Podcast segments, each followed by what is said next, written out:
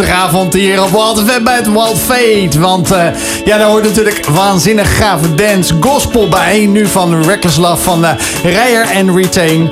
Dat zijn onze favoriete Nederlandse DJ's. Daar hoort ook trouwens Roberto Rosso bij. Absoluut. Dat is een van de drie uh, musketiers.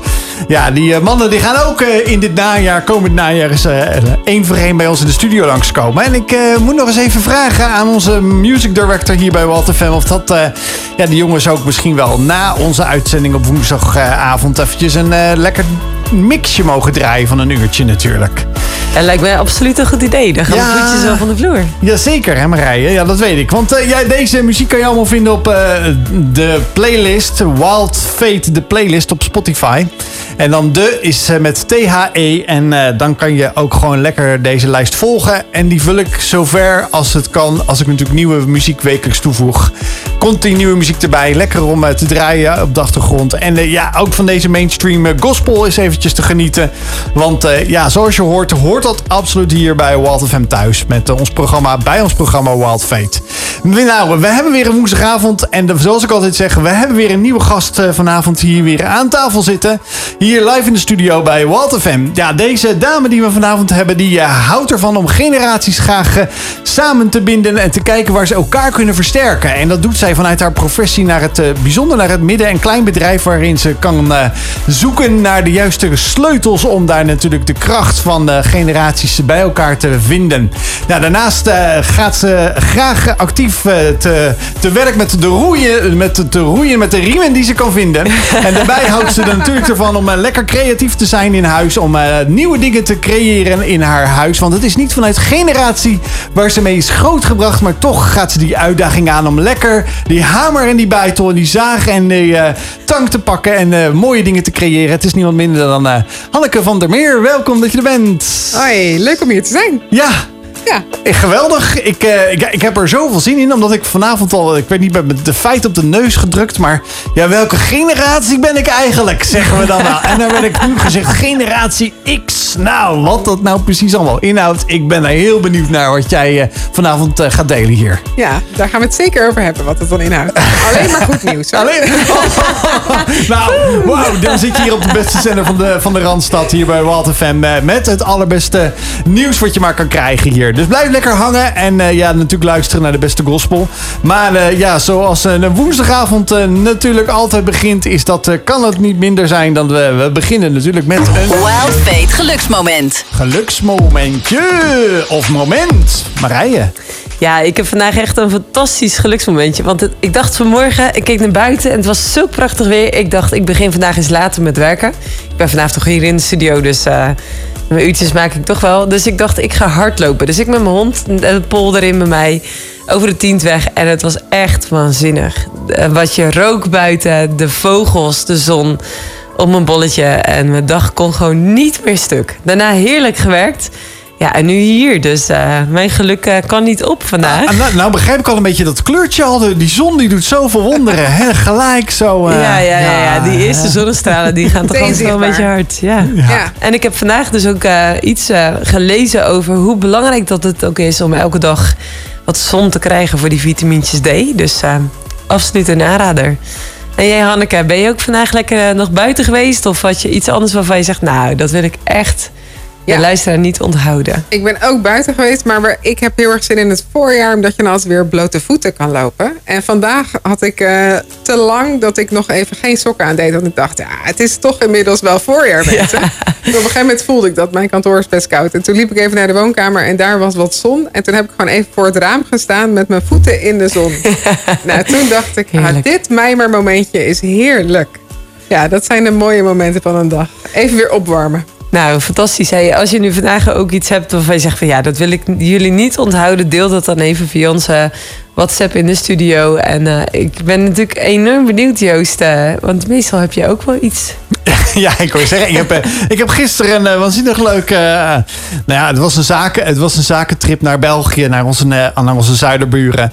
En we hadden een heel leuk, gezellig etentje. En ja, we hadden eigenlijk iets anders gezocht, maar dat restaurant ging wat op Vlaamse tijd open, op uh, Brusselse tijd.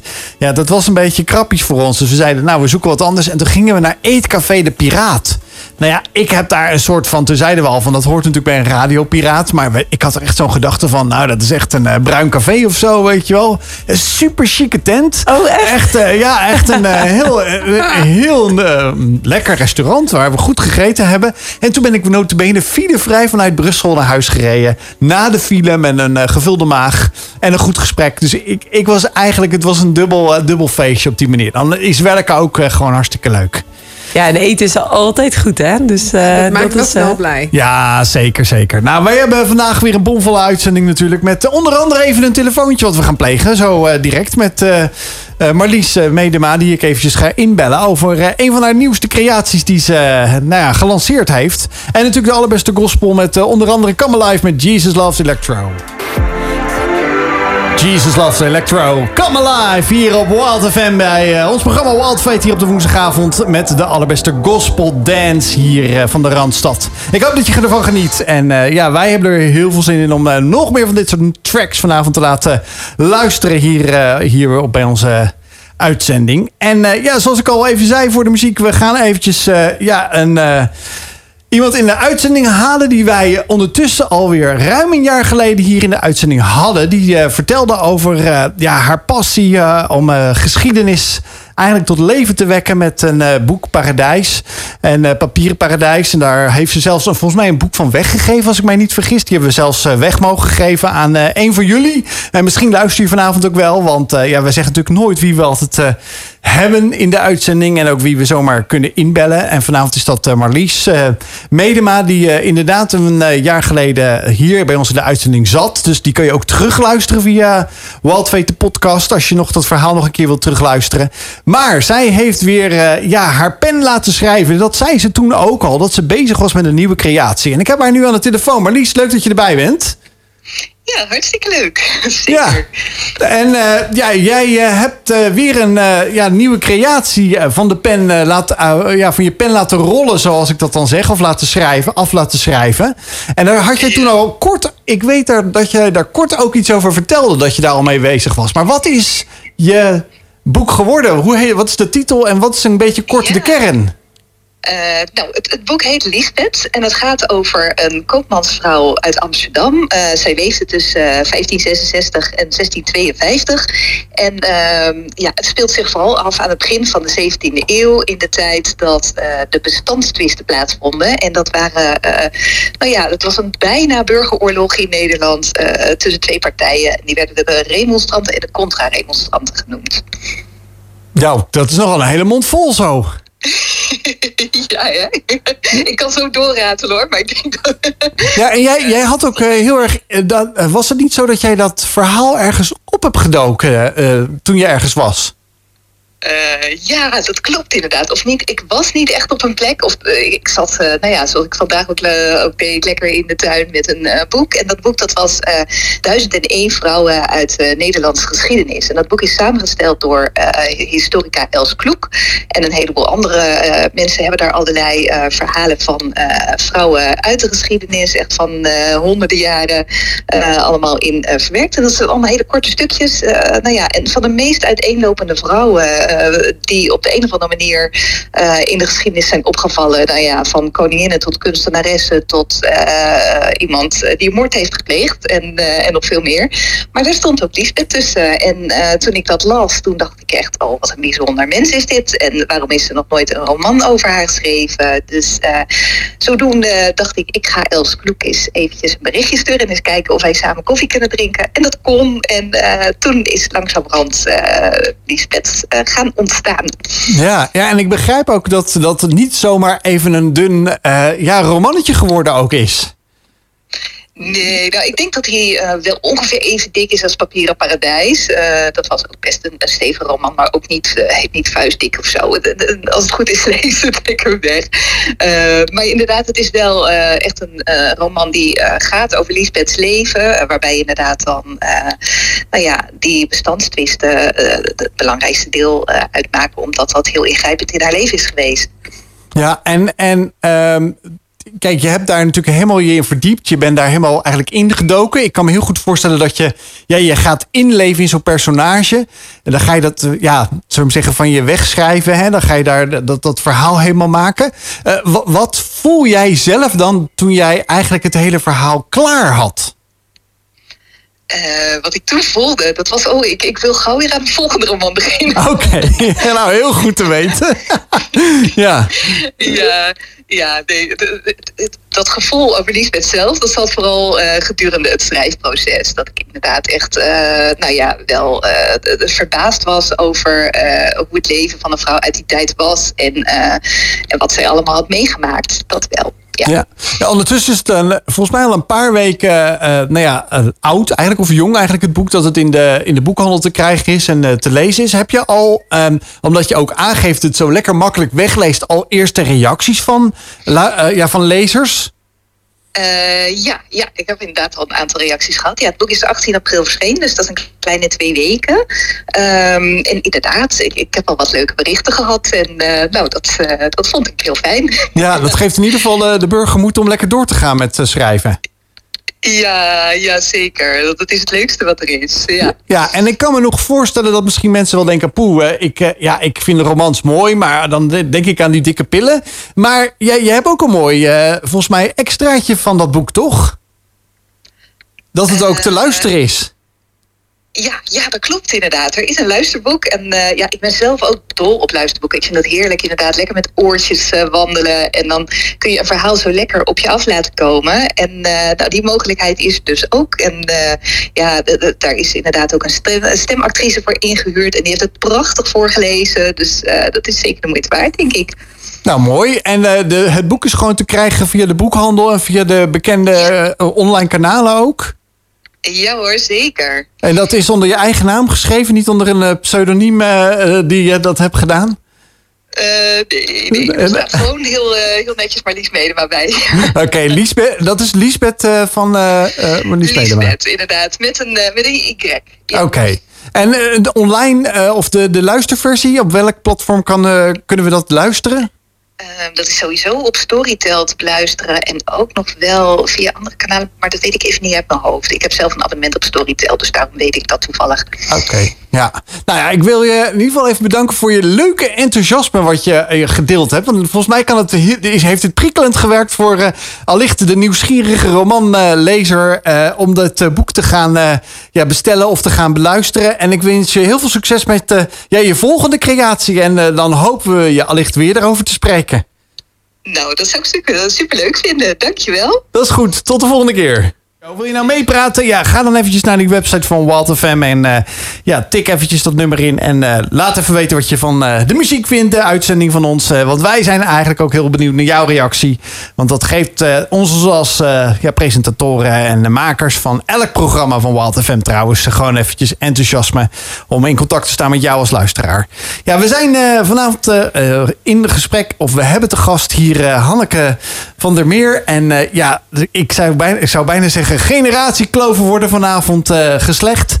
Nee, maar dat is even, even uh, kan mooi zijn, dat kan zo mooi zijn. Als we dat in een avondje kunnen oplossen hier. Precies. Dat we daar kunnen overbomen. Nou, dat is in ieder geval je professie. Maar even, ja, Hanneke, ik vind het wel heel erg eh, grappig. Want we hadden even voor de uitzending het even over ja, je, je, je klusmodus. Dat je eigenlijk helemaal dit niet hebt ge- ja, doorgekregen van jouw ouders, de generatie voor je. Dat die helemaal niet zo'n klusgeneratie zijn. Nee. En dat ze dat een beetje raar vinden bijna. nou ja, nee, nee, nee hoor. Nee. En bedankt. Pama van der Weer, sorry. hoor. Nee.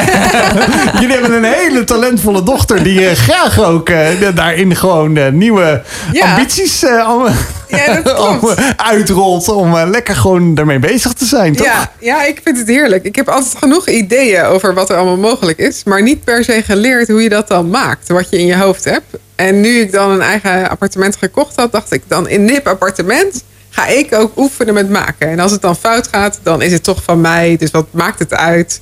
Gewoon proberen. Een gaatje meer of minder in de muur. Ach, Precies. niemand er ik, ik vertelde net dat ik dus een bed was gaan bouwen. En we, het ging niet helemaal goed. Aan de andere kant van de muur was een soort stuk eruit gevallen. Dus die vriendin met wie ik aan het klussen was, die zei helemaal... Oh, sorry, sorry. En ik zei, nou, nu kan ik dus leren om een groot gat te dichten. Nou, dat is supergoed dat je daar gelijk van het ene het andere pluspunt maakt. Dus Ja, was ik- helemaal gerustgesteld. Ja, maar Ik, ik vind eh, het is helemaal niet eh, vreemd eigenlijk. Want als je, ja, het is zo maar zeggen waar je eh, ja, mee groot wordt gebracht, dat neem je ook vaak weer mee in je bagage. Plus en minpunten uiteraard, maar dat, dat hoort daarbij. Als je uit een ja, handige familie komt, over het algemeen, ik zal niet zeggen dat je per definitie dat erft, maar ja, omdat je veel voorbeelden Ja. voorbij ziet komen, omdat eh, ja, vader, moeder kleren maken bijvoorbeeld, of eh, echt eh, grote constructies bouwen, of eh, ja, gewoon eh, makkelijk met elektronica of wat dan ook zijn. Dan denk je ook, ja, ik ga het ook maar proberen en vallen en opstaan. Maar volgens mij hoort dat bij alle generaties, zelfs al ga je al vele generaties mee, en dan hoort dat natuurlijk wel bij iedereen. Ja, een van de grote beïnvloeders van een vormende generatie is hoe ze opgevoed worden. Dus wat een beetje de opvoedingsstijl is. En die is ook in ontwikkeling. Dus dat vormt ook generaties. En dus door een gezin word je gewoon ge- beïnvloed. Ja. Ja. Het is wel grappig, mijn broertje, die altijd alles zelf doet, zegt altijd: Meneer Google weet echt alles. Ja. Is dat ook hoe jij je kennis vergaart dan om dus dan zo'n muur, eh, zo'n muurtje te maken of een bed in elkaar te Nou, ik, eh, ja, YouTube en eh, inspiratie haal ik veel van Pinterest. En dan kijk ik, hoe, kan, hoe zou dat nou in elkaar zitten? En ik nodig dan meestal iemand anders uit die al meer kan. En dan gaan we het samen doen. En dat, eh, dus mijn laatste project was met twee vriendinnen. En hun mannen zijn heel erg klussers. Dus die hadden allemaal materiaal wel. Als een cirkelzaag. En eh, nou ja, allemaal dingen die ik ook niet per se heb. En dat namen ze dan mee. En die mannen die gingen allebei een beetje kijken. Gaan jullie ineens bij haar in huis klussen? En thuis zijn we altijd heel druk. En vinden jullie dat eigenlijk allemaal niet zo leuk soms? En eh, hier gaan jullie gewoon aan de slag. Maar dat helpt wel. Want zij hebben al meer gezien. En dan kom je er met elkaar wel uit. Ah, ja. Je Nou, moet ik- ook even hard op sparren soms. Nou, ik Ja. vind het wel heel slim dat je ook op die manier de mensen inschakelt eigenlijk met de apparatuur. Want het is, kost Ja. vaak gewoon heel veel geld. En goede spullen, heb ik gemerkt door alle jaren heen. Ja. Ja. ja, is ook gewoon al wel deels, ik zal niet zeggen het halve werk, maar is wel een overgroot Nou, deel van, eh, van een belangrijk onderdeel. Ik kan je inmiddels vertellen dat met een gewone boor in een eh, betonmuur van een appartementencomplex kom je niet in. Maar heb je echt een speciale boor nodig. En nu weet ik dus wie in mijn netwerk die boor hebben. Ja, kijk, kijk, kijk. Niet alles op Ja, jezelf dus, te hebben. Nee, dus nee, naast, nee, nee. naast dat je stoer bent, ben je ook wel een beetje slim. Ja, het ben wel een beetje tactisch. Ja. Super mooi. Ja, maar, maar- maar dat- dat stoere kenmerkt dat jou ook? Het stoere? Ja? Nou, het, nee, vooral het creatieve. Dus ik vind het leuk om dingen te leren. En het leuke van klussen is dat je het wel voor een groot deel kan uitdenken. Maar op een gegeven moment weet je het gewoon niet. En je ontdekt dus, terwijl je het aan het doen bent, dingen. En dan denk je, hoe ga ik dit nu oplossen? Want oh, hier ineens heb ik ruimte tekort of te veel. Of er zit een gat in de muur, wat dus dan ontstaat. Ook wel omdat ik iets fout deed. Maar nou, dat in het midden gelaten. En ik vind dat wel leuk. Dat je dan dus iets moet oplossen. Ah ja. Dus het hoeft ook niet goed te gaan. Want ik weet helemaal niet hoe het moet. Dus ik doe ook maar wat. En ik leer aldoende. Maar dat is wel bijzonder, want dat, dat raakt ook wel een beetje je leerstijl. Er zijn ook mensen die zeggen, ik ga niks doen voordat ik weet hoe het moet en dat ik weet dat ik het kan. En jij zegt gewoon, ik ga het gewoon doen. Beetje Pippi Lankhuis. Eh, ik heb dat nooit gedaan, maar ik denk dat ik het wel kan. En als ik dan op mijn neus ga of, of er valt een gat in de muur, dan fix ik dat gewoon. Ja, ik moet dus accepteren dat, dat wat ik maak niet meteen zo mooi is als dat ik op Pinterest heb gezien. Ja. Ja, dat is wel een hele grote gevaar. Hè?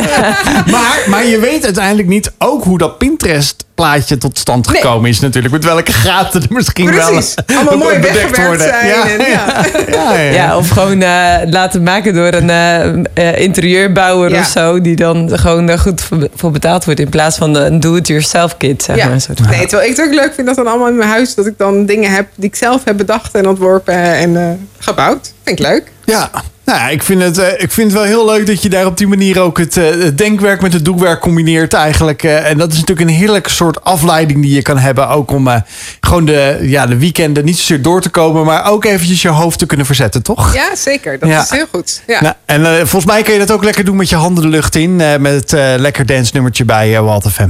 Nou, en of dat lekker klinkt, zeg. Crossvia met Put Your Hands Up. Nou, we hebben al eh, over Put Your Hands Up gesproken. Eh, klussen en eh, ondernemen en van alles en nog wat doen. Over ondernemer gesproken, Hanneke, je bent echt al jaren ondernemer. Ja. Hoe ben je ooit dat vak zo ingerold? Of was het ook een bewuste keuze? Of dacht je, hè, ik kijk welke mensen in mijn netwerk zijn die me daarin ook verder helpen, net zoals bij klussen? Nou, wel weer een beetje bleu inderdaad. Eh, ik werkte als maatschappelijk werker en eh, ik wist al dat wil ik niet. En ik wist niet heel goed wat wel, maar het ondernemerschap trok wel. Dus na een aantal jaar eh, als werknemer gewerkt hebben, eindigde mijn contract. En dat wist ik al heel lang van tevoren. Toen dacht ik, ik maak mijn contract af en dan start ik als ondernemer. En dat was dus op 1 januari eh, 2013. En toen dacht ik, eh, nou, dan ben ik nu dus ondernemer, maar hoe werkt dat eigenlijk? En toen heb ik mezelf ook echt drie jaar gegeven om gewoon te mogen ontdekken hoe moet dit eigenlijk? En wat, eh, hoe kom je aan opdrachten? En ik ben gewoon gaan koffie drinken met alle mensen. Dus wel een beetje hetzelfde eigenlijk. Aldoende leert men. Dat Ja. is toch wel mijn leerstrategie. En als eh, mensen nu luisteren en die zeggen, ik sta eigenlijk ook op dat punt. Je bent nu tien jaar ondernemer. Je had jullie jubileum dit jaar dan als je zegt Ja. 2013. Klinkt ook echt fantastisch. Wat is dan de tip die je mee zou geven? Als je, is dat vooral veel koffie drinken of gewoon ook inderdaad maar zien en kijken wat er dan bij je past binnen ondernemerschap? Of wat, wat is hetgene wat je door al die jaren heen geleerd hebt dat je zegt, ja, dat is mijn ondernemersles voor jou?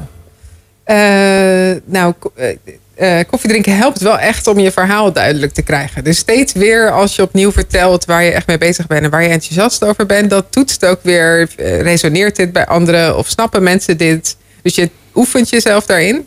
En wat mij heel erg hielp is, wat heb ik nou nodig om het ook te blijven durven? En ik begon bijvoorbeeld met dat ik zowel interim management klussen deed en projectmanagement, als dat ik mijn coaching en trainingbureau opzette. En ik dacht, ik heb gewoon tijd nodig om dat te kunnen doen. Dus heb ik die interim klussen nodig. En dat duurt het misschien deels ook langer, maar ik heb ook gewoon geld nodig. Dus dat eh, is ook een soort balans te zoeken. In waar wordt het echt te gevaarlijk en waar blijft het gewoon veilig. En kan ik dus ook oefenen en aldoende leren. En daar heb ik wel een stukje veiligheid voor nodig. En dat gaf projectmanagement. Oh ja, echt. eh, dus ook echt wel daarin kijken van hé, wat past er dan ook bij mij? En hoe kan Ja. ik dan ook gewoon ja, mijn huis en alles blijven betalen als je niet een smak geld hebt waarvanuit je zegt oké, ik kan vanuit een grote buffer gaan ondernemen. Eh, Hoe Ja. vind je dan ook die balans tussen veiligheid en, en de risico's die je wil nemen? Ja, eigenlijk nadenken over je vangnet. Ja, En het is wel mooi, want eh, op dit moment ben je een nieuw project aan het pionieren samen met een compagnon. ja klopt. Ja.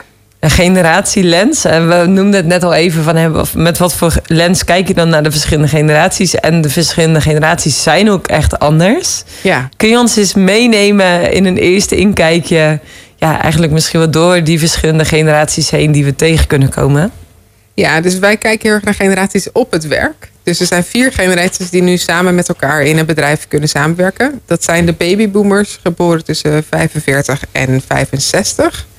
En dan heb je generatie X, die volgt, die is geboren tussen 65 en 1980. Iedereen denkt nu gelijk, oh ja, waar zit Waar ik ergens? Precies. Ja? Ja? Ja, nu komt het spannende. En dan zeg ik nog niet eens wat het, eh, wat het zegt. Maar goed.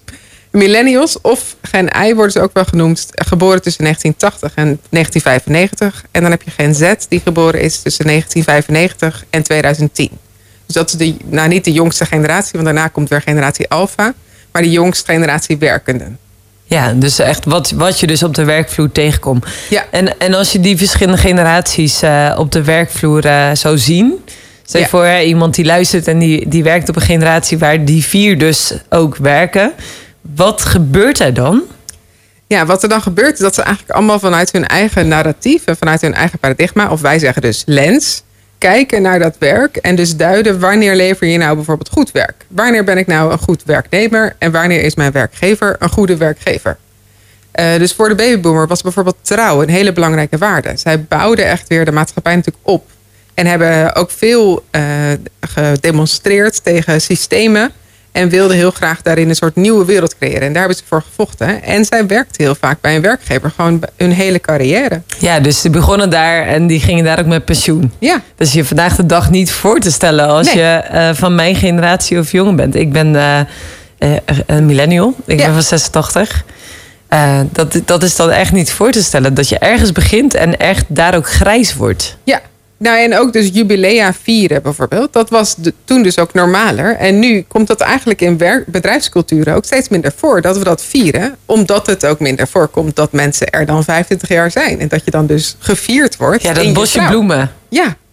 Ja. Ja, 10, 12, een half jaar, 15 jaar. Ja. En dan ben je achter, dan, dan zeg je, hallo, wordt het niet tijd voor je om eens eh, door te trekken naar Ja, een dus we gaan het niet vieren, maar we gaan eigenlijk zeggen... joh, je zit hier al best een tijd, hè? Ja. Ben je niet vastgeroest of zo, precies. Je toch? kan ook een andere is dat niet functie. zo? Ja. Nou, het is dus wel, wij kijken er echt anders naar. Dus daar waar dat vroeger echt als waardevol en die trouw dus heel erg positief ge- eh, gelabeld werd, wordt nu dus als je ergens vijf, zeven of tien jaar werkt, wordt het nu gelabeld als nou, je zit er, precies wat jij zegt, je zit er al best een tijd. Is het niet tijd om weer eens gewoon om je heen te gaan kijken? Ja, een soort van je zit vastgeroest. Ja, toevallig had ik met een paar collega's erover. eh, ja, toen zei een collega van mij: Ja, ik werk hier nu zes jaar. En eh, tien jaar is toch een soort van mijn houdbaarheid. Want ik heb tien jaar daarvoor bij die ene gewerkt. En toen tien jaar bij die andere. Ja. Of al bijna tien jaar. Ja, en nu eh, niet dat, dat het me gaat dringen, of hè, maar gaat wringen. Maar dat ik wel denk: Ja, wordt het niet tijd om eens een beetje te na te denken? Moet ik hier wel blijven? Ja. Maar dan moet je nagaan wat, dat, wat, wat het dan met ons doet.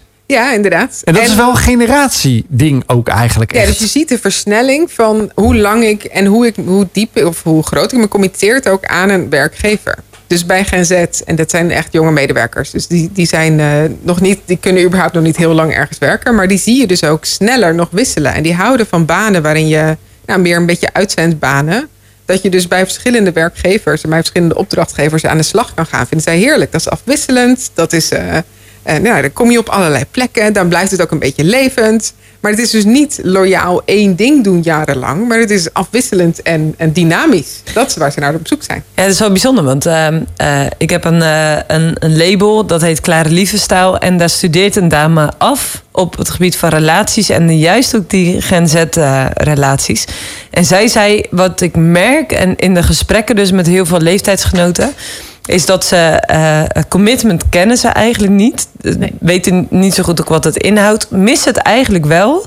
Want dat geeft eigenlijk ook de onveiligheid, omdat ze niet zeggen waartoe ze zich committeren, die ze eigenlijk ook wel nodig hebben om zichzelf open te stellen. Ja. Is dat ook wat je ziet op werkgebied? Dat dat ook zo'n zo'n Ja. eh, rol speelt? Dat, hè, dat commitment, dat vrijheid, blijheid is enerzijds dus super flexibel en heel relaxed. En tegelijkertijd heeft het misschien ook wel een uitdaging of een kanttekening nodig. Ja, zeker. Ja, bij millennials begon dat. Toen begon een beetje de FOMO, de fear of missing out. Dus wat nou als ik bij deze baan het wel leuk heb, maar er misschien nog wel een leukere baan is. En dat kan je natuurlijk ook met partners hebben. Als je aan het daten bent, ja, er is het soort, je kan met allemaal mensen links en rechts swipen. Maar wat nou als ik hierna iemand ontmoet die nog leuker is dan degene die ik nu leer kennen? En dat kan ook bij een werkgever zijn.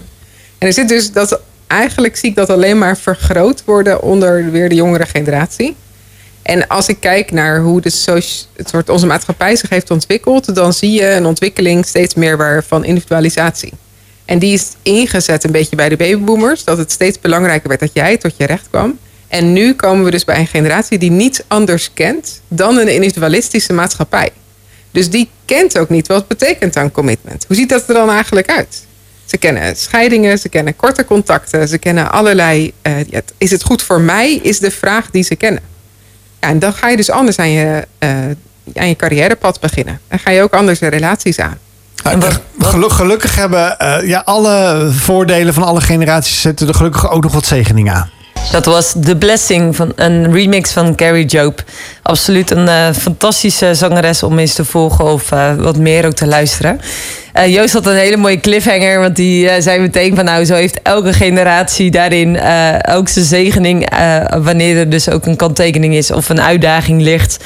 En die hebben we allemaal.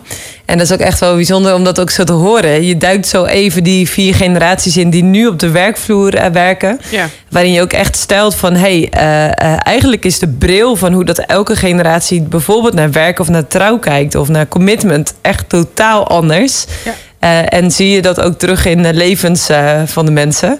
Wat, wat ehm, ja, ik kan me zo maar voorstellen dat het dus ook wel eens ehm, uitdagingen op de werkvloer geeft. Want ik bedoel, als de een zegt, ja, ik werk hier al twintig jaar en ik weet hoe het werkt. En er komt er iemand binnen wandelen die zegt, ja, maar ik weet echt hoe het zit. Want eh, ja, ik heb hier iets over geleerd of ik vind hier iets van. En ik, ik werk er net één week, maar hoor mij eens even. Ja. Want ik heb wel wat goeds te brengen. Ja, ja, dan heb je dat je, na twee jaar weer een functioneringsgesprek hebt. En dan zeg je tegen de partner in, je, in het financiële bureau waar je bij werkt. Nou, volgend jaar ben ik ook partner. En die partner denkt dan, wat? Waar heb je het over? Ik werk hier al twintig jaar. Hoezo denk jij dat jij na drie jaar partner kan worden? Zo werkt het Ja. hier niet. Oh ja. Dus dat is dan een voorbeeld van inderdaad compleet onbegrip. Eh, bij beide kanten. Ook, ook bij de jongere die dus eh, zegt, eh, die dat wel verwacht. Die verwacht dus snel op te kunnen klimmen. En dat het een ander tempo heeft dan het de realiteit heeft. En tegelijk moet misschien een andere generatie ook wel een beetje ruimte geven voor meer ehm, de- nou, delen van de macht en van de beslissingsbevoegdheid. Dat is dus het, het gesprek dat je ook met elkaar hebt. En niet dus, er gaat niet over eentje heeft gelijk. Maar het gaat over, snap ik waar jij vandaan komt? En door welk perspectief je gevormd bent, waarom je dit zegt. Maar kom je dan bij elkaar? Nou, je begint elkaar te begrijpen. En door begrip kom je soms bij elkaar. Dus je kan er nog steeds anders naar kijken. En je hoeft dus niet een, een middenweg te hebben, waardoor je uiteindelijk zegt, nou dan word je na zes jaar partner. Daar gaat het eigenlijk niet over. Het gaat erover, wat bedoel jij als jij zegt, ik word partner? Wat denk je dat je dan hebt dat er nu niet is? Als je dat gaat onderzoeken, kan je misschien nieuwe wegen vinden. En hetzelfde geldt voor eh, wat betekent eigenlijk die ervaring van 10 jaar of 20 jaar ergens werken. Ik, en hij schrijft er ook wel eens over dat de waardering voor ervaring is ook heel laag onder jonge generaties. Als je dus elke, elk jaar of elke drie jaar weggaat, dan weet je eigenlijk niet wat het doet als je gewoon vijf jaar of tien jaar in een organisatie bent. Je bent dan echt senior. Je kent alles, eh, alle klappen van de zweep, zeg maar. En, dat, en welke effect dat heeft, dat ken je niet vanuit je eigen beleving.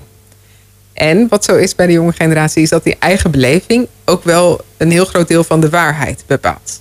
Dus als je dat niet beleefd hebt, dan weet je eigenlijk niet wat de waarde daarvan is. Dus kan je ook niet zeggen, nou dat moet ook wel 20 jaar kosten. Ik snap wel waar dat vandaan komt. Dus daar, daar is taal voor nodig om dat uit te leggen. Wo- Wordt daar ook voldoende aandacht eigenlijk aan besteed überhaupt in bedrijven of in organisaties in dit soort vraagstukken eigenlijk bijna? Want je werft, je werkt, eh, je, je werpt wel het nodige stof bij mij al dat ik denk, wauw, inderdaad zeg, tien jaar senior, inderdaad ervaring. Maar ja, aan de andere kant drie jaar is ook ervaring. Maar inderdaad, tien jaar is toch wel dat je precies weet waar de wijze spreken de archieven staan en hoe het nou precies zit. Ja, en, en welke besluiten er allemaal al genomen zijn om te komen waar we nu zijn. En dat is een van de dingen die, die, die je dus wel met elkaar zou moeten bespreken. En wat we merken is dat ehm, het wel moeilijk is om het gesprek te voeren. Eh, en uiteindelijk is er ook een soort kantelpunt. Zit ik tegenover een persoon en niet tegenover iemand van een generatie. Dus een generatie is natuurlijk een sociologische indeling. En dat betekent dat het gaat over een groep mensen die een bepaald collectieve eigenschappen hebben. En die kan weer anders zijn per persoon. Je kan namelijk mensen hebben in millennial generatie die gewoon 15 jaar bij dezelfde werkgever werken. Het is niet zo dat dat niet voorkomt. Ehm, maar over het collectief gezien eh, vertrekken mensen sneller. Dus de- eh, dat is ook het spanningsveld. Dat wanneer je in gesprek gaat, op een gegeven moment stopt het generatiedenken en start gewoon het gesprek van mens tot mens. Eh, maar wil ik wel weten, waar kom je nou vandaan? En wij, eh, door lezingen, door in gesprek te gaan, door met eigenaren van, van dus, ondernemers te praten over hey, hoe zit het en hoe kijk je hiernaar, komen er echt nieuwe perspectieven. Ja, Ja, dus mensen moeten eigenlijk jou en je eh, compagnon ook uitnodigen om dat gesprek dus ook lekker te voeren. ja. Eh, omdat jullie en vanuit de kennis, maar ook de ja, expertise, dus om dat gesprek te voeren of die training te geven, ook daarin ja, dat gesprek kunnen duiden. Ja. ja, want we gaan eigenlijk juist in gesprek met verschillende generaties in een bedrijf. Om met elkaar te kijken, hé, hey, maar hoe ziet nou een werkgever eruit die goed is voor jullie allemaal?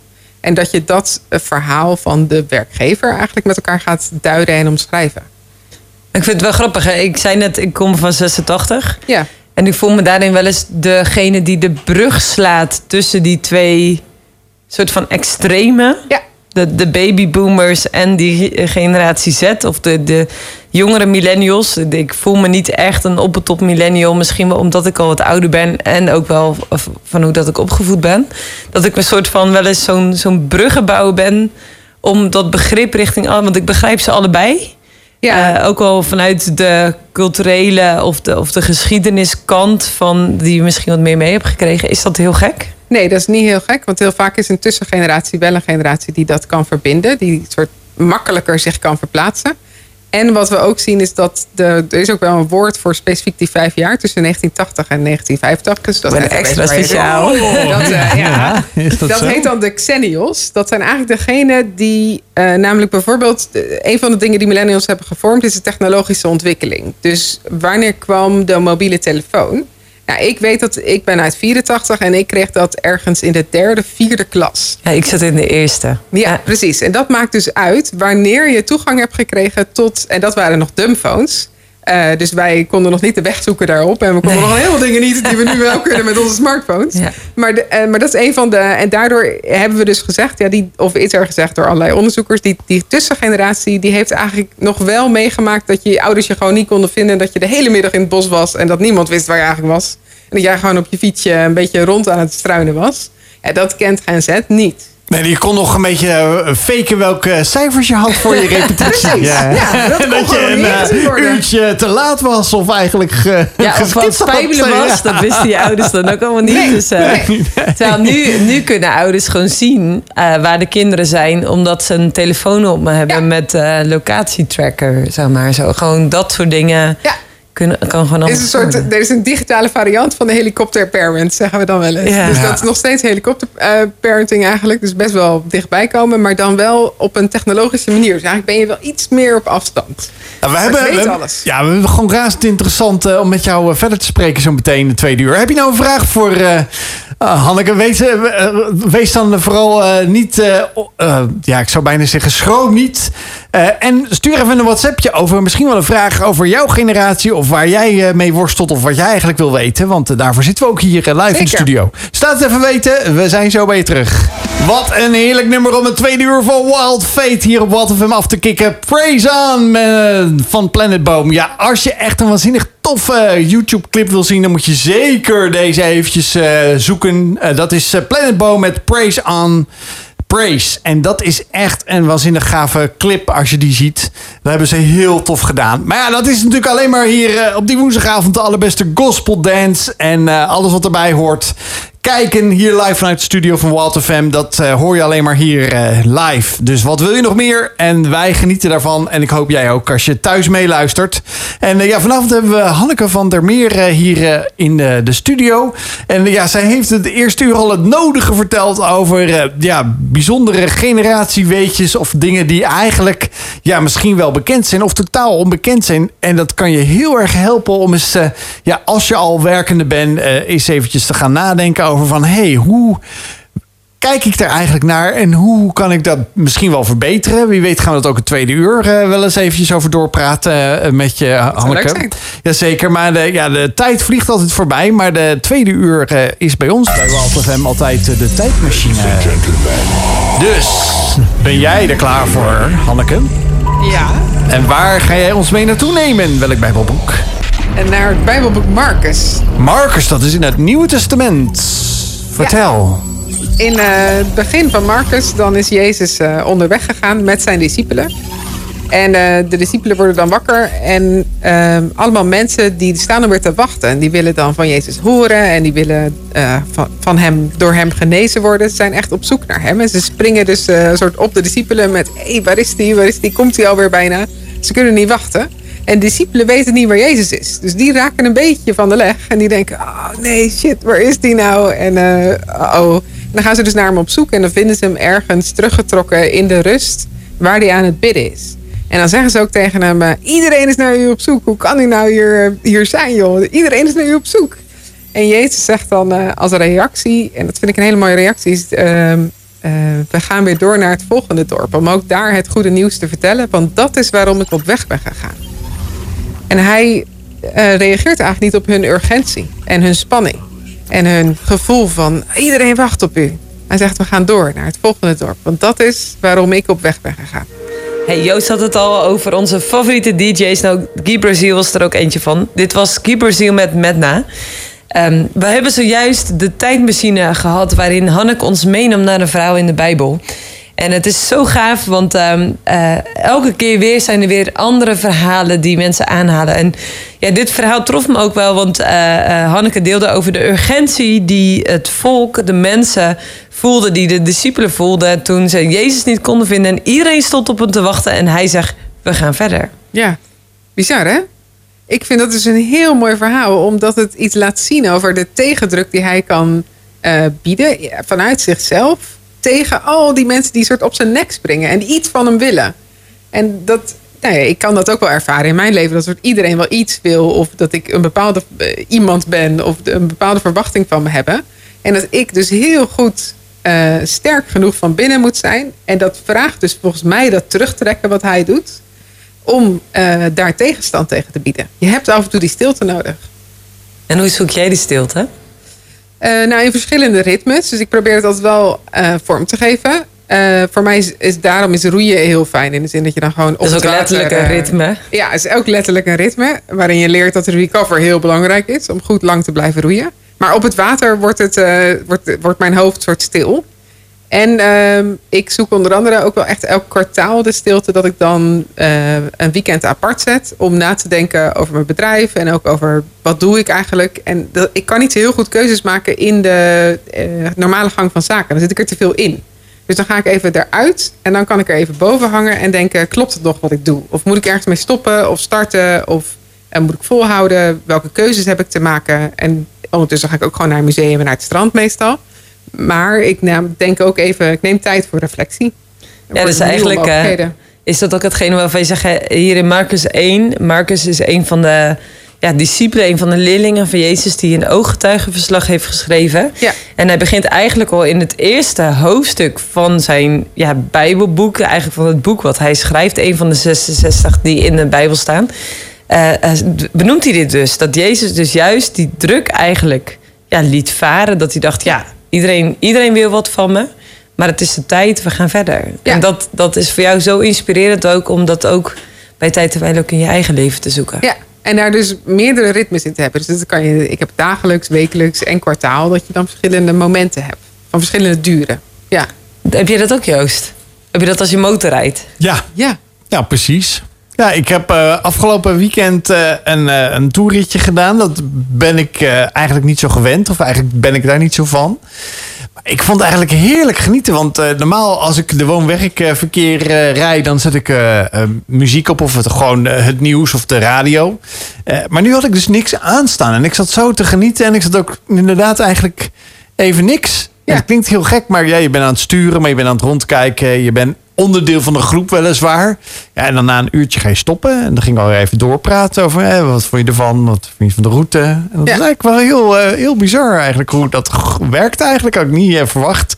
Alleen, ja, nogmaals, het is niet mijn ding, heb ik wel gemerkt. Maar toch, het is een mooie reflectie. En ja, ik moet zeggen, ik zit vrij veel in de auto. En ik zet regelmatig echt de radio uit. Geen muziek, geen podcast, geen radio.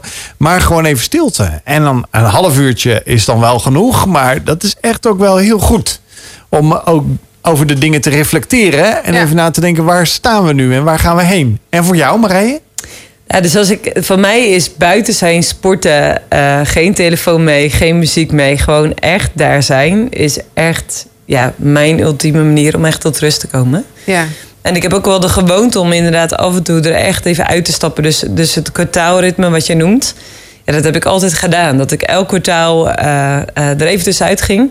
En wat ik ook nog heel vaak deed, was dat ik elke maand een dag naar het strand ging. Dus ook het strand is wel grappig. Mooi. Om dan dus met mijn journal daar te zitten. En vaak was ik dan bezig met een project uit te werken of te schrijven. En dat mensen... Ik weet wat, ik had dan een vast tentje waar ik altijd heen ging. eh, op Hoek van Holland bij Rotterdam. En eh, die mensen noemden mij ook de schrijver. Omdat ze gewoon... Ze, ze kenden mijn naam niet. Maar ja, ik was dan een fenomeen van iemand die daar dus in haar eentje komt. En dan de hele dag in en uitloopt. eh, af en toe gaat struinen en dan weer wat uitloopt te Grappig. werken. Dat was echt wel heel grappig, ja. Dus dat is echt wel een mooie, mooie dynamiek ook. Ja, ik ben ook heel erg benieuwd naar eh, eh, wat je daarin ook ziet, ook binnen de generaties. En wat, ja, wat dat voor jou ook betekent. Maar laten we eerst lekker weer de muziek induiken. En dan gaan we verder. Aan het begin van de uitzending hadden wij eh, Marlies Medema even ingebeld. En zij is echt zo gefascineerd door geschiedenis... dat ze inmiddels haar, haar tweede historische roman geschreven heeft. En zij deelde iets over ehm, de, ja, een bijna burgeroorlog eh, lang geleden... eh, tussen remonstranten en contra-remonstranten. En ik dacht echt, ik zat echt in mijn geschiedenishoofdstukje, zeg maar, een stukje in mijn hoofd echt te denken van, oh, wat, wat was dat eigenlijk? Ik, ik dacht echt, ik zou het helemaal niet weten. Dus ik ga haar Geen boek zeker branden, luisteren. Ging geen lampje branden. Ik dacht, oh nee, hè, wij als Nederlanders met onze geschiedeniskunde. Volgens mij is dat, eh, hoort dat wel een beetje bij de Nederlanders dat wij eigenlijk helemaal geen paraat. Dat is echt, eh, ik- dat is ja? echt één ding wat Nederlanders kenmerkt. Dat we niet zo patriotisch zijn. Nou, dat blijkt ook wel uit de huidige cijfers. Maar daarin ook eh, niet zoveel kennen van onze geschiedenis. Maar toch heeft geschiedenis enorm veel invloed op onze tijdgeest. Op de, de lens die wij als bepaalde generatie hebben. Ja. Omdat we iets wel of niet mee hebben gekregen. Of bepaalde grote gebeurtenissen wel of niet meegemaakt hebben. Ja. Eh, is dat ook zo? Ja, dus ehm, grote gebeurtenissen kunnen natuurlijk een, een transitie eh, versnellen of starten in een, in een maatschappij. En dat beïnvloedt dus hoe we kijken. En eh, of je hebt die transitie meegemaakt en dan ken je het voor en het na. Of je kent alleen maar het na. En dan weet je eigenlijk niet hoe dat tot stand is gekomen. Dan is dit gewoon de realiteit. Ja, dus bijvoorbeeld als we kijken naar de babyboomers, dat zijn wij al, allemaal niet. Nee. Dan hebben zij wel of niet de oorlog meegemaakt, maar waren wij wel hard bezig om het land weer op te bouwen. Ja, dus zij hebben niet per se de oorlog meegemaakt en in hun vormende jaren. We hebben in onze whitepaper trouwens, bij Generatielens hebben we een whitepaper geschreven. En daar zetten we ook specifieke nieuwsitems uit hun vormende jaren neer. En dat waren echt tumultueuze jaren. Dus er is een jaar waarin er eh, van alles gebeurde qua de bouw van de Berlijnse muur, de toespraak van eh, Martin Luther King, I Have a Dream. Dat zijn allemaal dingen die zij hebben meegemaakt. Of in Nederland dichterbij, de bezetting van het Maagdenhuis was in 1969. Wat was dat? Ja, allemaal studenten die gingen een eh, pand in Amsterdam ehm, bezetten voor een eis voor democratie. Dus het was eigenlijk gewoon een demonstratie. Er was ook heel veel toen, ehm, eh, hoe noem je het ook alweer, dat je dan een huis bezet en daar gaat wonen. Kraken? Ja. Ja. Dat, werd, dat was een hele grote kraakbeweging. En daar is deze generatie dus een stukje onderdeel van. Om dus de instituten ja, te proberen Te beïnvloeden ja. en te ondermijnen. Ja. Ja, dus er is van alles in die jaren eigenlijk gebeurd. Voor het eerst, dat is ook heel interessant. In 1970 wordt voor het eerst gesproken over een gat in de ozonlaag. Daar begint dat. Dus ook over klimaat hebben we stukjes meegenomen. Met wat, hoe, welke taal werd er nou gebruikt bij verschillende generaties als je praat over klimaat? Oh ja, terwijl anders. vandaag de dag praten we over niks anders eh, dan klimaat. Nee, en we noemen nooit meer ozonlaag. Dat Nee. woord kom je niet meer tegen. Maar dat was toen het ding. Ja. En als je dan naar Gen X bijvoorbeeld kijkt, dan, eh, dan is een, eh, een belangrijk ding is dat Europees kampioen voetbal natuurlijk in 1988. Herken je dat? Dat Ja, nog? ja, ja, ja, ik weet nog dat ik, eh, dat ik erbij zat, dat ik televisie keek. Hoe oud was je toen? Ja, elf. Oh ja. Dus dat is ook echt wel een bewuste leeftijd. Ik weet nog heel goed. En waar- waarom weet ik het? Omdat ik weet dat mijn vader die had eh, kaartjes via zijn werk. Dus wij zijn nog naar Italië geweest. Nee joh. Ja, Wauw. ja, alleen helaas niet naar die, eh, naar die eh, betreffende finale. Maar wij hebben toen onze kaartjes verkocht omdat we de verkeerde kwartfinale hadden gekregen van het werk hoor. Dus het was een hele mooi gebaar. Alleen er zat Nederland niet in. Oh, mijn vader werkte bij een internationaal be- bedrijf. Dus, ja, nou ja. Dat is niet per definitie. en bedankt. Ja, en bedankt. En daar hebben we toen nog wel voor gecashed, weet ik nog wel. Oh, ja. Hebben we toen een mooi ja, cadeau voor mogen kopen. eh, Toen we die kaartjes op de, op de markt eh, daar eh, in, in Milaan, ik weet nog heel goed, verkocht hebben. Wat prachtig. Ja, dus er is, is een generatie die nog met levendige herinneringen praat over Terwijl ik, ik weet dat niet. Terwijl ik wel daarvoor geboren ben, maar dat is niet in mijn bewuste jaren. Of wat ook in hun bewuste jaren was, was een, de werkloosheid stijgt op een gegeven moment van 5,1 naar 10,2 procent. eh, Tussen 1979 en 1983. Zo, Dat kun je vandaag de dag echt niet voorstellen. Nee, precies. En wat het dus doet met die generatie, die gen X is best wel een pragmatische generatie. Ja, als ik werk heb, heb ik werk. Dus eh, dat is alleen maar mooi meegenomen. Dus die neemt heel anders besluiten over hun carrière. En veel meer vanuit dus de pragmatiek. Dat is een, dat is een naam waaronder ze ook bekend staan. Het is een heel ander soort medewerker. Ja, want dan, eh, dan is het gewoon praktisch. Je werkt omdat je werk hebt. En daarmee verdien je geld. In plaats van dat je jezelf moet ontwikkelen. Precies. Of kan ontwikkelen op werk. Precies. Ah. Ja. ja. En wat bijvoorbeeld millennials dan hebben meegemaakt, is eh, eh, nou, dichtbij de moord op Pim Fortuyn. Wat natuurlijk een groot effect heeft gehad. En überhaupt de opkomst van LPF als partij. eh, wat ons politiek klimaat wel heeft veranderd. Dat was voor het eerst dat er een echt een nieuwe partij zo in één keer opkwam. Ja, En lijst Pim Fortuyn. Voor degene die denken eh, LPF. Ja. En wat ook eh, internationaal, wat er steeds meer gebeurde, is dat we internationaal nieuws konden zien en konden volgen. Dus in die tijd heb je bijvoorbeeld de, de terreuraanslag 9-11 in New York. Die hebben we kunnen zien op televisie. En daarna is er ook nog de Irak-oorlog. We konden voor het eerst zien dat er straaljagers naar Irak gingen. En het werd live op CNN uitgezonden. En Nederland was toen nog niet helemaal dat wij dat dan ook allemaal keken. Maar dat begon al een beetje te ontstaan. Dat we ons dus bewuster werden van wat er eigenlijk aan de andere kant van de wereld gebeurde. En dat het impact op ons allemaal had. Ja, ik weet nog En- dat ik in de, in de keuken stond bij ons met zo'n klein tv'tje. En eh, dat je dat echt wel keer op keer zat te kijken. Wat, wat gebeurt er nou? Hoe, vliegt dat vliegtuig nu in, in, eh, in die Twin Towers? Hoe, hoe gebeurt zeg maar, dat je echt nog steeds die verbazing en die ontsteltenis haast hebt van... Hé, maar gebeurt dit nu echt? Is dit, zeg maar, nou, dat. Ja, ja precies. En dat, daar heb je dus een levendige herinnering bij. En dat heeft ook de, de wereld veranderd. Bijvoorbeeld de, de luchtvaart. Hoe we dus door de beveiliging heen komen. Nou, die is echt veranderd door 9-11. En ik weet niet beter dan dat je een soort je schoenen uit moet doen. En eh, dat er allerlei dingen gebeuren. hè. Terwijl vroeger eh, kon je ook gewoon nog roken in een vliegtuig. Ja, zeker. Ja, en, je kon, en je kon nog gewoon een hele literfles meenemen. Ja, precies, Zonder dingen. probleem. Ja.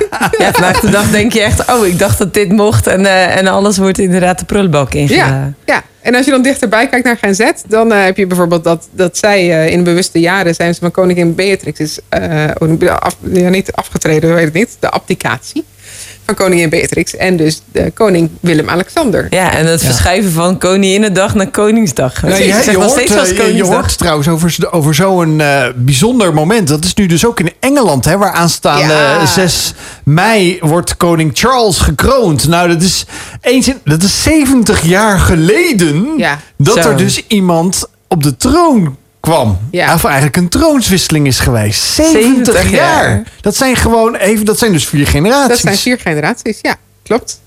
Dat is bizar, toch? Dat, dat- en dat ga je nu dan meemaken. Ja.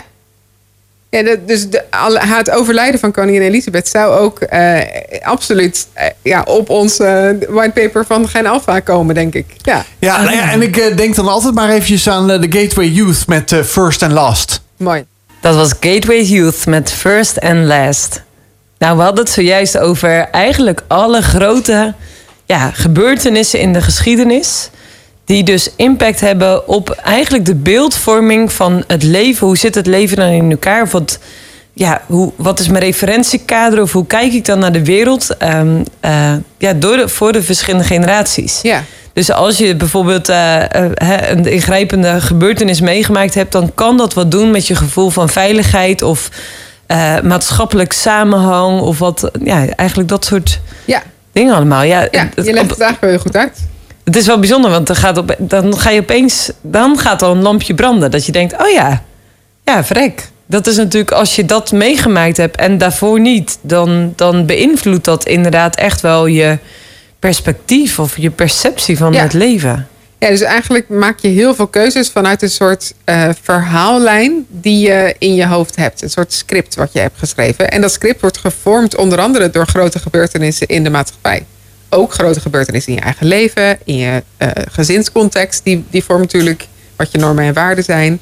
En, en dat is niet een vaststaand script, maar dat wordt wel voor een heel groot deel in die vormende jaren echt gevormd. En op basis daarvan kijk je dus naar de wereld. En dat is waarom we ook die en nieuwsitems. En, voor iedereen is dat anders. Hè? Als je het niet hebt meegemaakt omdat je net toevallig op reis was eh, terwijl 9-11 gebeurde, ja, dan heb je, heeft dat minder effect.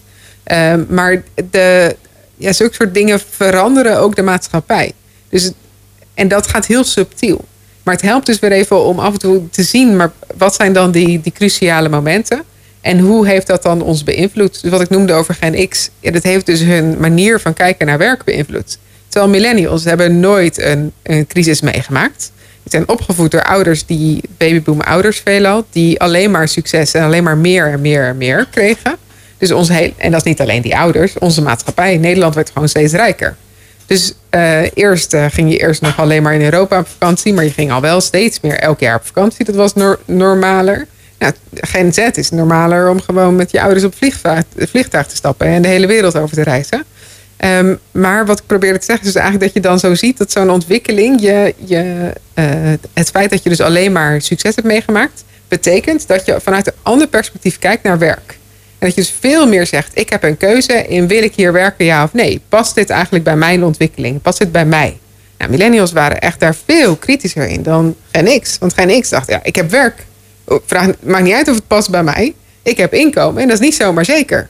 Dus in hun script zit een soort onbewust voorzichtigheid met we moeten niet daar alles voor op het spel zetten, want het kan zijn dat je het kwijtraakt.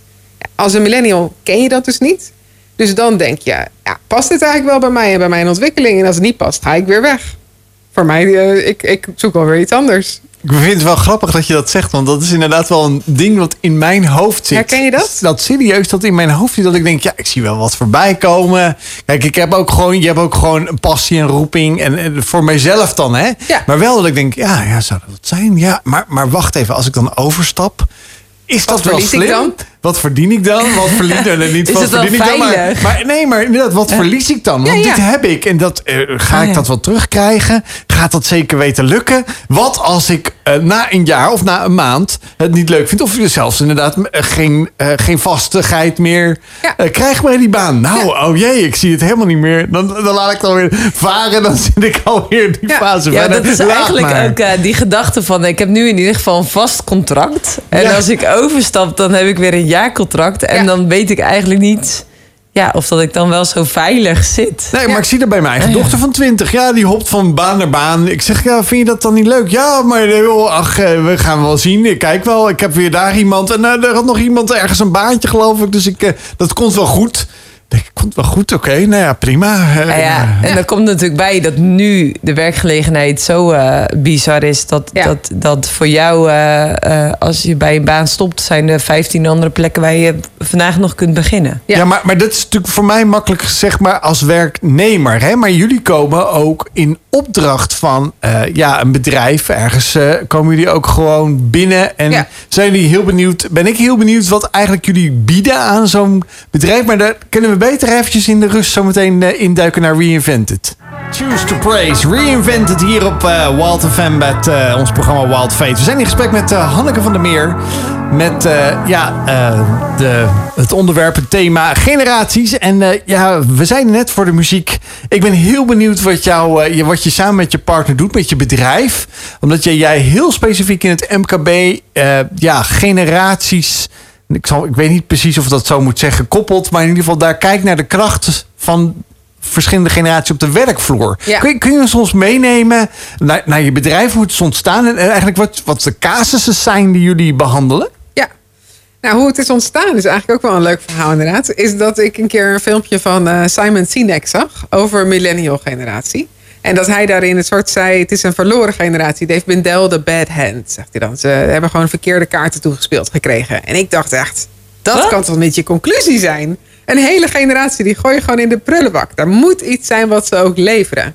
En dat eh, werd toen één onderzoeksavond die ik met Yvonne Hocht, mijn eh, businesspartner, eh, ja, on- organiseerde. Allemaal mensen van verschillende generaties om te kijken wat brengt nou die millennial. Toen heette het ook nog Millennials Matter.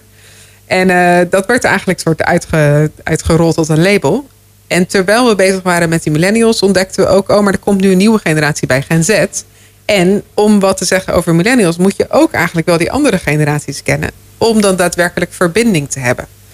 En ehm, eh, dat merken we ook in de gesprekken met werkgevers. Is dat een van de uitdagingen is dus om een plek te creëren waar die verschillende verwachtingen en behoeftes van werknemers een eh, uiting krijgen. Eh, dus er is bijvoorbeeld heel veel eh, verloop onder jonge generaties. En dat is voor eh, werkgevers heel prijzig. Want dan doe je en het sollicitatieprocedure, dan heb je iemand gevonden en die gaat dan binnen een jaar weer weg. En wat is het nou waardoor die persoon weer weggaat? Nou, daar gaan we dan over mee in gesprek. Van wat zou je nou kunnen, wat voor interventies kan je doen om mensen langer te houden? Kun je Ga eens er een ook voorbeeld over in gesprek. geven? Over een interventie. Nou, een van de dingen die we heel veel zien is dat aandacht essentieel is. Dus we, ehm, we werken best wel op maat. Dus het is niet de standaard oplossingen die er zijn, want anders zouden we die wel hebben al als maatschappij. Ehm, maar aandacht is cruciaal omdat de jonge generatie, beide eigenlijk dat wel verwachten, dat vanuit dat individualistische eh, denken is dus de tijd ben je bezig met jouw plan en jouw carrière. En helpt het dus ook als iemand anders daar nieuwsgierig naar is en benieuwd is naar wat je daarin ziet in de toekomst. En het lef heeft om te zeggen: hé, hey, maar dit is mijn verhaal en dit is jouw verhaal. En waar kunnen we elkaar nou vinden? En in openheid dat te zoeken. En dat vraagt dus ook een bepaald vertrouwen en loslaten. En het is dus niet in sterker vasthouden en meer voordelen bieden. Tuurlijk, goede koffie helpt. En eh, probeer dat vooral ook te doen. En een soort pooltafel en een beetje spelen op het werk. Tuurlijk, dat is echt wel aantrekkelijk. Maar echt willen weten wie ben jij. Ja, dat, gaat, dat zet zoveel meer zoden aan de dijk. En we zien dat generaties, als ze zich gehoord voelen, dat mensen dan meer blijven. Omdat ze zich niet committeren aan een merk, maar aan mensen. En daar willen ze zich wel aan verbinden. Is dat wat Sinek zegt? Je moet uiteindelijk niet alleen maar eh, wat je doet of hoe je dat doet, maar de why. Is dat dan toch wel weer waar Sinek dan wel weer Ja. iets boeiends wel zegt? Oh, zeker. Ja, daar zegt hij echt iets heel goed. Want volgens mij is het dus ook interessant om te weten wat dan de why van je medewerkers is. En hoe die linkt aan de why van je organisatie. En dat, dat is dus wat we, wat we zoeken eigenlijk. En dat verschilt een beetje per grootte van organisatie, hoe we dat vormgeven in een traject. Is wat is nou de missie en hoe kunnen we met elkaar daaraan bijdragen? Zodat je niet alleen maar werkt in een bedrijf, maar ook werkt aan het bedrijf als medewerker. Want dat is wat de jonge mensen heel graag willen. Is een bijdrage leveren en impact hebben. Dus ze werken ook bij werkgevers waarvan ze zeggen, maar ik zie wat het doet en ik zie waar het effect op heeft.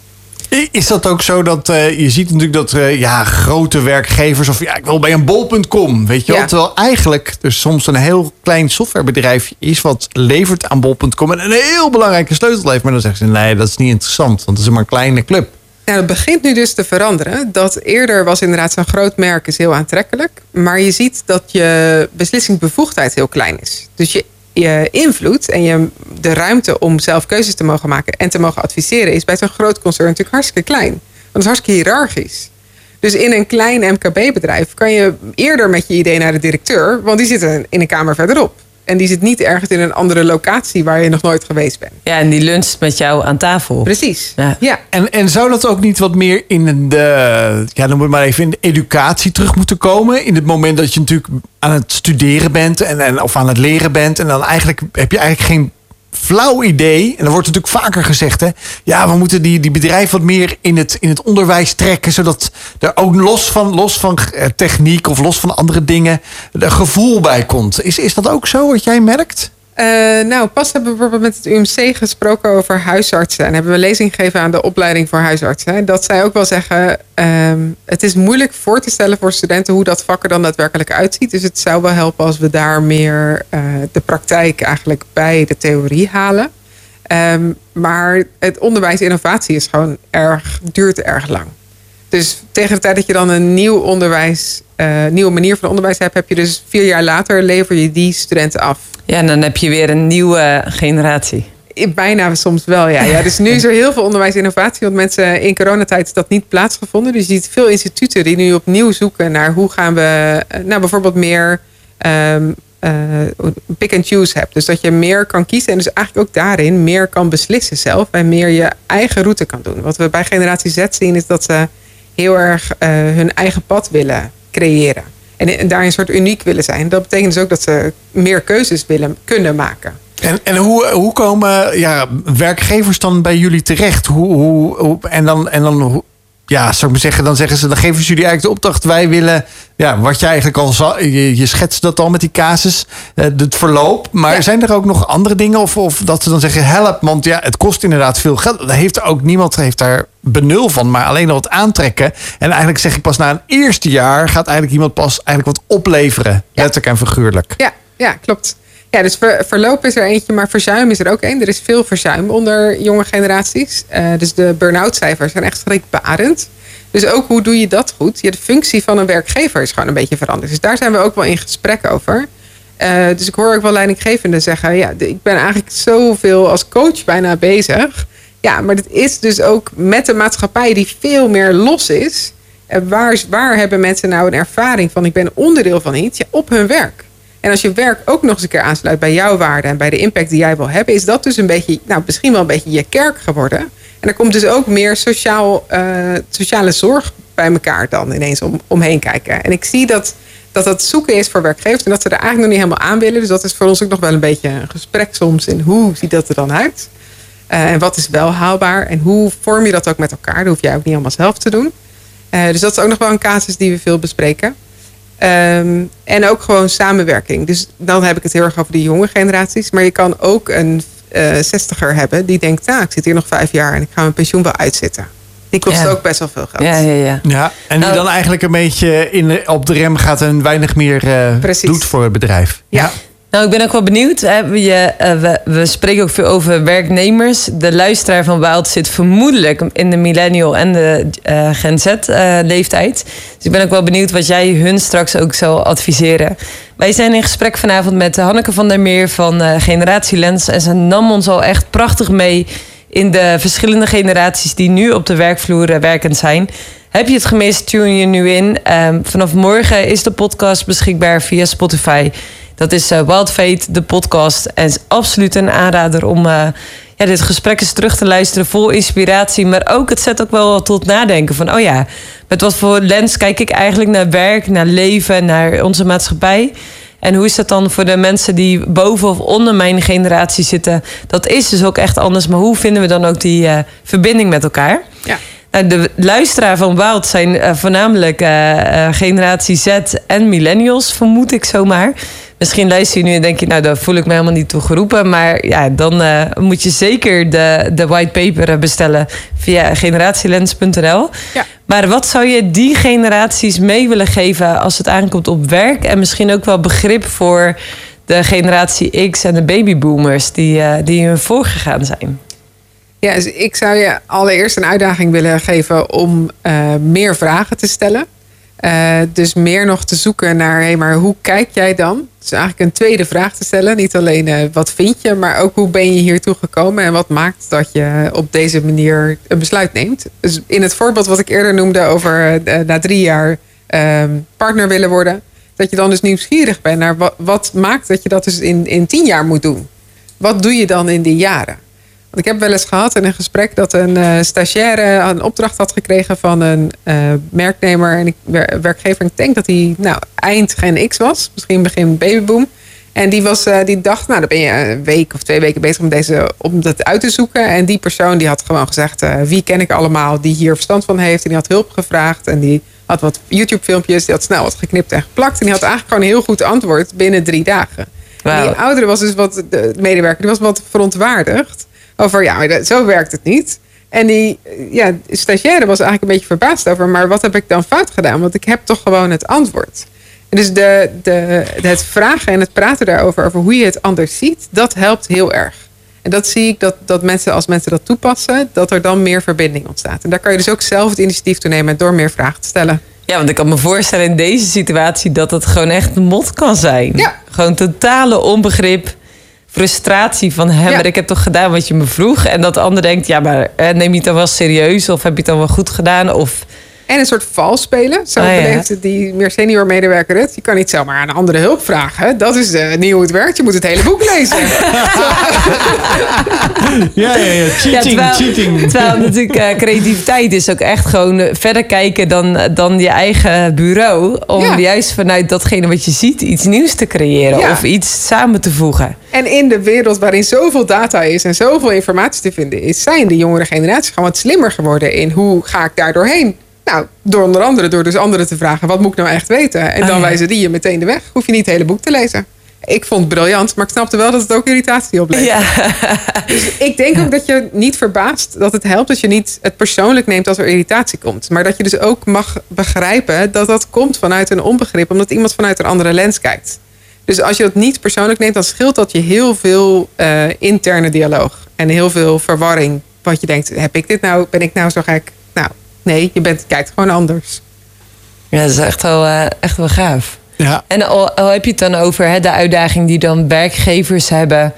Van oké, hè, de, de- er zijn zoveel vacatures. Je hebt dan iemand en die zegt binnen de termijn eigenlijk dat iemand echt ingewerkt is. En een beetje eh, ja, van hoe, de hoed en de rand weet. En denkt, nou, ik weet het allemaal wel, ik vertrek. Dat je dan juist waardevol wordt voor je werkgever. Ja.